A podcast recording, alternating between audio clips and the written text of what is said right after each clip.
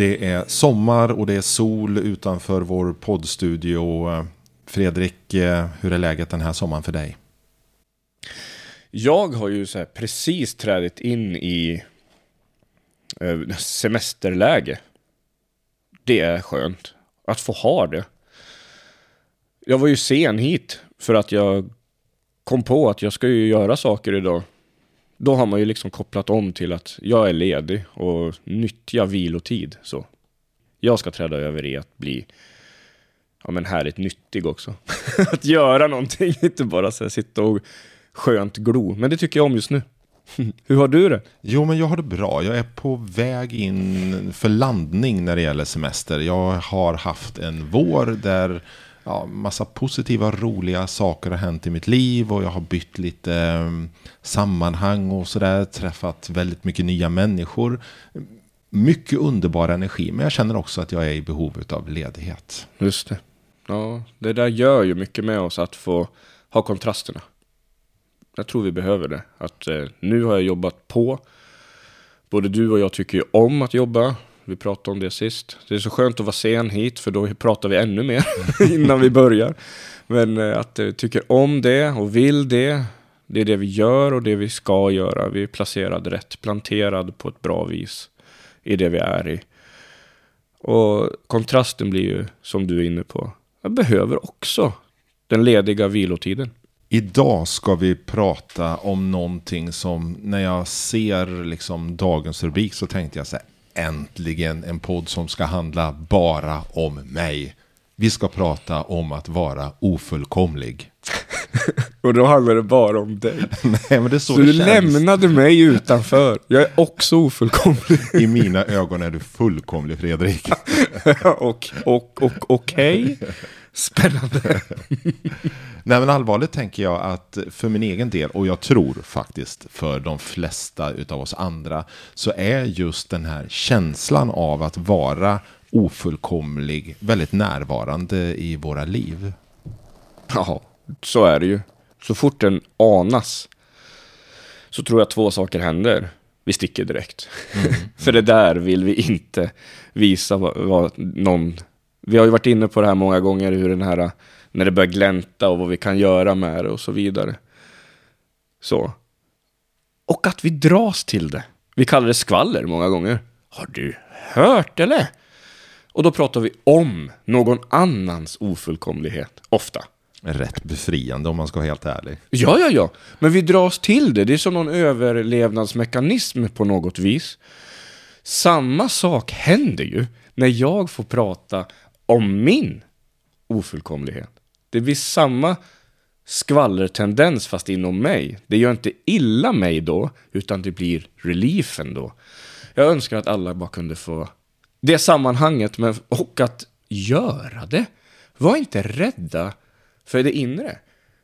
Det är jättesvårt. Det är jättesvårt. Men det är så oerhört skönt när jag gör det. Att jag lättar på det, övar mig i det. Oj då Pascal, nu kom det där öva igen. Mm. Men det är så. Rädslan, den är jag ju jättestark i. Jag är jätteduktig på det, för jag övar mig i att inte göra det andra. Och då blir ju rädslan bara starkare och starkare. Så de två grejerna, blir jättebra på att gå ifrån den och inte visa den. Och dras till den när andra pratar om den. Särskilt om de som inte är i rummet. Det första som dök upp i mitt huvud när eh, det stod klart att vi skulle snacka om ofullkomlighet. Det var skuld och det var skam. Mm -hmm. Vad tänker du om det? Ja, det är ju jättedumma ord. tänker jag. Nej, men, men visst, det är väl de som står först på lut, eller hur? Och ofullkomligheten, den, den ligger ju ganska... Paradoxalt så tänker jag att den ligger ganska så ytlig den är väldigt lättretad. Det här egot som säger hit men inte längre. Men också så väldans djupt. Rötterna går långt. Och det är där jag tror att eh, skulden och skammen hindrar oss från att gå djupt. För någonstans på vägen så har ju det där hänt. Eller hur? Mm. Det som vi ångrar, men det har ju hänt. Det som vi skäms för, någonting har ju skett. Och så har vi lagt det där berömda locket på egot. Och så är vi lättretliga kring det, för då hittar ju ingen dit, inte ens jag. Så det är bara negativt laddade ord, tänker jag. Alltså, det går att låsa upp. Men man måste jättemånga ord för att låsa upp dem. Och det är ett samtal. Du nämner ordet ego och jag tänker att egot behövs för att vi ska hålla ihop oss själva.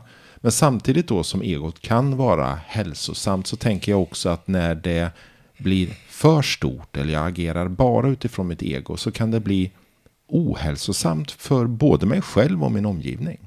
Det tror jag handlar mycket om att egot vill bli matat. Roten igen. Vattnar vi och ger roten näring, då kommer det just frukt. Alltså, egot är ju vad jag behöver. Men är egot fyllt av skuld och skam, vi har matat det och inte rensat i det, då kommer ju den frukten fram. Så att ego, ja, jätteproblematiskt, men det är också en självbevarelsedrift. Alltså det här behöver jag. Men vad frukten kommer ur, det är ju vad vi gör och är med de vi är. För det är ju också, vårt inre är ju det. Vår personlighet består ju utav olika delar, alltså delpersonligheter. Mm. Och jag tänker att delpersonligheterna många gånger är våra överlevnadsstrategier. Exempelvis, jag kritiserar dig Mm. före du hinner kritisera mig för att jag är egentligen själv rädd för att bli kritiserad. Då antar jag det som en livsstrategi. Att jag är alltid där och är kritisk och ifrågasättande. Eller jag är cynisk eller sarkastisk eller, eller kanske använder humor för att skydda mig mot min omgivning. Ja, precis. Där har du ju egots välputsade rustning. Med både spjut och svärd i vardera hand. och ingen sköld ens, utan det går på. Det är väl den här destruktiva egot som, som är väldigt flyktbegärligt.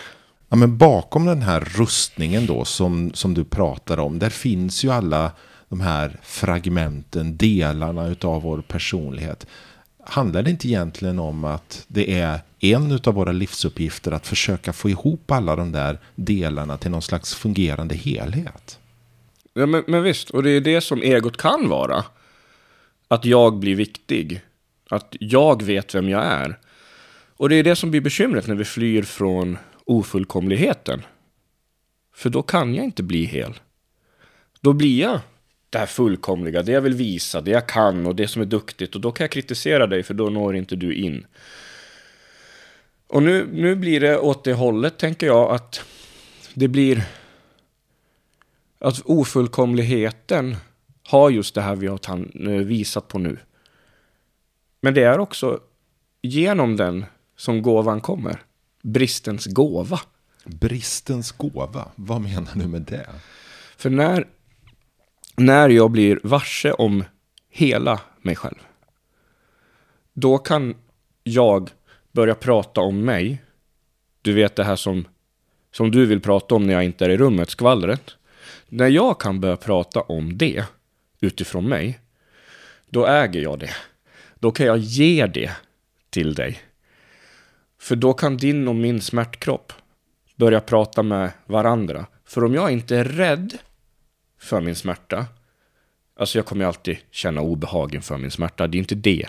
Men om jag inte är rädd för den, då kan jag börja ana vad jag behöver snarare än vad jag tror jag behöver och flyr från det destruktivt nog, så kan jag börja närma mig det istället för att sticka med det här svärdet. Så kan jag leta efter skölden, för jag behöver försvaret, men jag vet, jag vet vad jag har behov av. I min värld stavas det frid. För det är det som jag tror att vi blir varse om när vi är i den smärtan. Och när du och jag kan prata om våran smärta, då växer den. Ofullkomligheten försvinner inte, men den blir en del av livet som är näringsfullt, för att tala fruktspråk. Både du och jag har ju erfarenhet av livsstegen. Jajamän. Det är väl precis det här livsstegen handlar om. Att, Mm. att ärligt våga möta varandra eh, någon slags ärlig sårbarhet. Och i där så sker det en, för att använda ett sånt litet fikonspråk, en transformation, en Ja. förändring, en utveckling. Det är det det mystika språket vill tala. Inom den kristna mystiken så, hur jag öppnar mitt hjärta. Det är, det är ju jättesårbart. Det låter ju fantastiskt vackert, men det är ju fruktansvärt sårbart att öppna sitt hjärta, eller hur? Och där så, så har vi ju tolvstegsrörelsen, alltså nådens ordning. Hur jag går ifrån, ja, vi, om vi backar till steg ett, alltså maktlösheten. Det där vi inte kan sätta ord på än. Så nu är vi ju liksom i att så här, är redo, modig och stark att våga prata om det som gör ont. Det är nu det börjar hända massa lattjo. För att tala ett roligt språk. Att det är kul när man börjar förstå sitt inre. I bön och i delande. För att det är en trygg plats. Och det är mycket skönare att börja prata om sin smärta än andras. Om vi är inne på skvaller igen. För det är därför vi dras till det. Men när vi äntligen vågar prata om hur jag är och har det, då blir det det som är intressant. För det är den livskraften som skvallret drar till sig. För vi lär oss genom det att hantera livet, inklusive vårt eget, när vi börjar prata om oss själva. Det som dök upp i mitt huvud är ju att eh, en ärlighet inför min egen sårbarhet helar mig. Men skvaller egentligen bara befäster att jag inte är helad, att jag är fragmenterad. Det var bara en tanke som dök upp i huvudet. Ja, men det blir väl så. Att eh, det, det är eh, de två sidorna av ofullkomlighet och liksom bristens gåva. Att antingen så befäster man det ena eller det andra. Svårare än så tror jag inte att det är. Men att kalla det som du gör, bristens gåva. En gåva är ju någonting oerhört vackert, någonting som gör mig glad. Kan min smärta, min ofullkomlighet, min svärta verkligen vara en gåva? Ja, jag vill tro det. Min erfarenhet säger det. Eh, min smärta, mina brister, allt det där jag ångrar, det försvinner ju inte. Men ju mer jag lär mig leva med det, tala om det på, på de här viserna som vi övar oss i, då, då blir de gåvor och erfarenheter och inte så traumatiska längre. Och de visar vad jag behöver, friden. De, de visar hur jag kan hjälpa andra. För att jag, även om jag inte har varit med om din händelse, så har jag tillgång till mitt känslospråk som visar att vad som är viktigt. Jag kan vara med och leda helt enkelt. Precis som du kan. Det är ingen utbildning, utan det, det är ett möte. Och att man hjälper varandra framåt. Och för, förstå roten och se frukten. Jag tror det. Att eh, vi blir blinda av att inte prata och se den.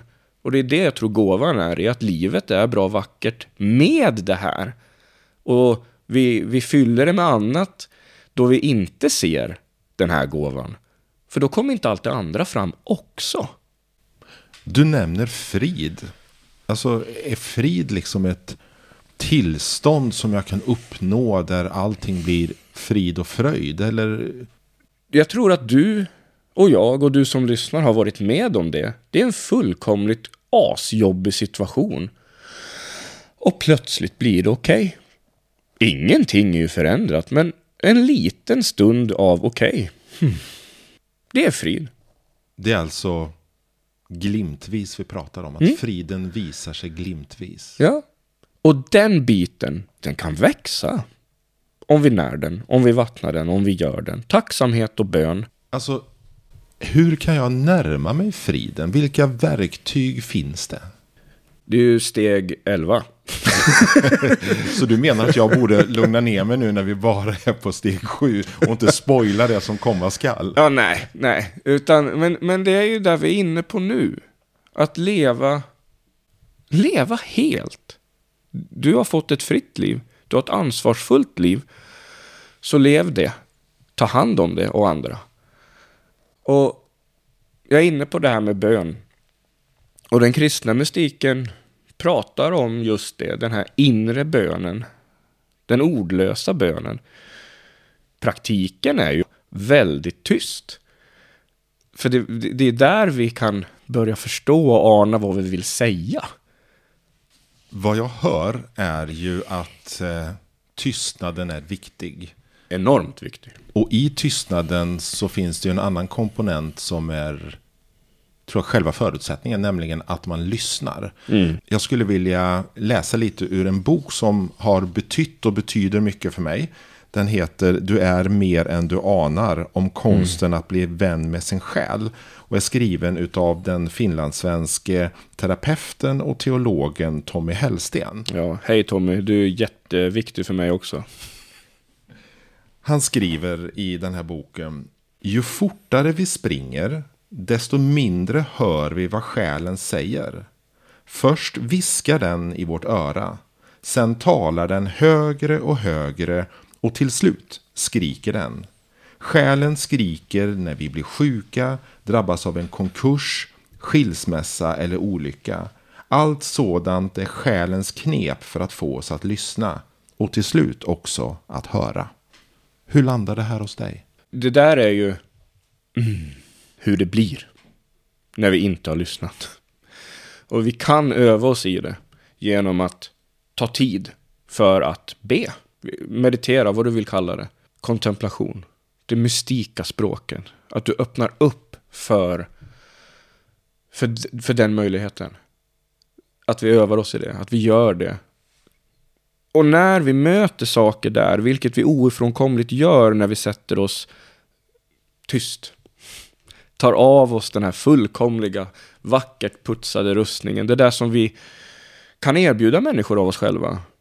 Och vi är ju mer, vi är ju ofullkomliga. När vi låter det få komma fram och vara i det, då händer det där som du precis läste. Att själen börjar prata. Och vi kan ställa oss frågan, okej, okay, vad ska jag förändra? Vad är mitt egentliga problem? Och då kommer svaren. Krävs övning. I början, eller missade du den biten kanske? Du kanske var mycket djupare god än vad jag var. Att det brusar enormt och det tankarna är, är överallt. Men hur skulle jag kunna missa den? Jag, jag, vet ju att när jag började i vår meditationsgrupp när vi varannan vecka har i, vad som är i princip en tyst meditation. Ja, det är det. Och man kom instudsande från jobbet med hela dagen liksom i huvudet. Och så sätter man sig ner och ska vara tyst. Och det är bara en kakafoni där inne mm. i huvudet. Jag tyckte det var asjobbigt. Mm. Och det tog mig faktiskt år att komma dit hän att jag kände att äh, men nu har jag liksom fått grepp om det. Nu, nu kan det här ge mig någonting. Ja, eller hur? Så att när man pratar med människor som, som brukar tyst bön, hjärtats bön och meditation, som säger att allting är frid och fröjd, för att låna ditt citat där, de har gjort det jätte, jättelänge. Och eh, de har lärt sig att känna igen kärleksspråket inom sig. Jag har gjort det jätte, jättelänge och jag har fortfarande svårt med det. För stundtals så blir det kakafoni poängen är ju att vi lär oss att tänka den tanken som behövs tänkas. Eller rättare sagt att vi lär oss se vilken tanke som vill tänkas klart i mig. När den tanken är klartänkt, då vill den gå. Och där lär vi oss att låta den gå. För jag är jättebra på att hålla den kvar. Och ett varv till. Nej, men jag är inte färdig. Nej, jag är inte färdig, men den är färdig med mig. Låt den gå. Så det här med att vi inte ska tänka har du säkert hört när det handlar om meditation. Vi ska inte tänka. Nej, det är bullshit. Alltså, jag har aldrig lyckats att inte tänka. Men jag har lärt mig att hitta den där tanken glimrar till. Den vill tänka mig. Och den vill bli klar. För den vill släppa mig. Och när jag kan släppa den, låter den gå för den är färdig med mig. Där är friden. Där är mellanrummet. Precis ett litet, litet mellanrum. Det är det vi övar oss i att se överallt och att få lite, lite mer. Och ju mer vi övar, desto bredare blir det.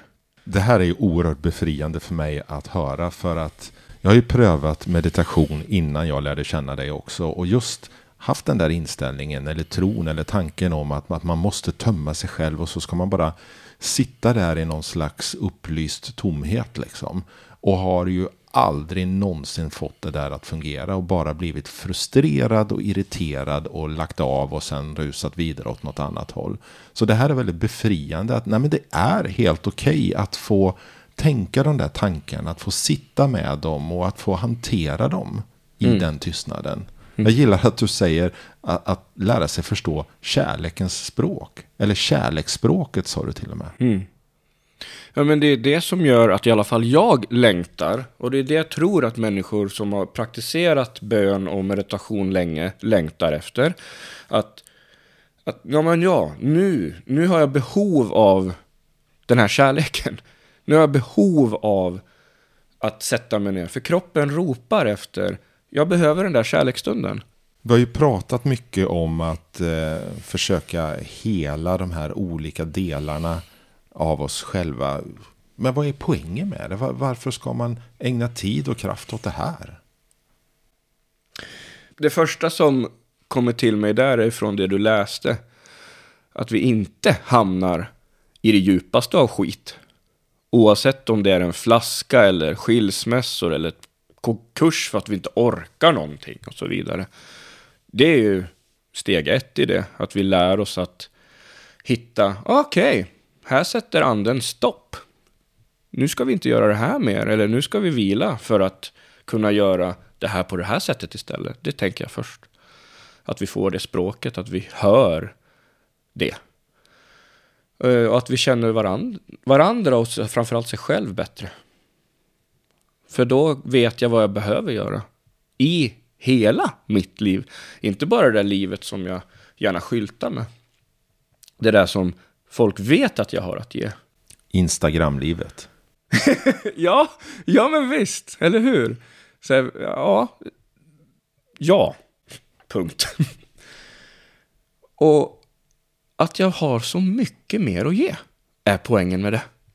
För när min smärtkropp får leva, då kommer du och jag klicka. Och där så kommer mycket mera fram. För när jag vet om mina egentliga och, och också behoven, då kommer jag kunna ge min omgivning och mig själv och min familj och alla de runt mig som jag både älskar och har svårt för. Ge ett helt liv på ett sätt som jag inte själv är beredd på kanske, men det kommer av sig självt. För jag förstår. Jag vet inte vad du går igenom. Men jag tror att det är det vi gör när vi nickar när någon berättar fruktansvärdheter och säger Jag förstår. Nej, det gör jag väl inte. Men jo, jag förstår. Och jag kan vara med och ge. Det är det som kärleken är. Den bringar vishet över allt liv. Och vi kan genom varandra flytta vidare. Alltså i det, i det flowet så kan vi leva och ge. Vi blir hela, trots allt. Och i det där, är det där då som vi kan uppleva den här glimtvisa friden, känslan av frid? Exakt. Finns det någonting att luta sig på i min ofullkomlighet? Löftet om att du är älskad. That's it. Och det är så mycket större än det som det låter vara. För det är ju så här, att du är älskad. Här och nu. Du har alltid varit det. Och du kommer så att förbli.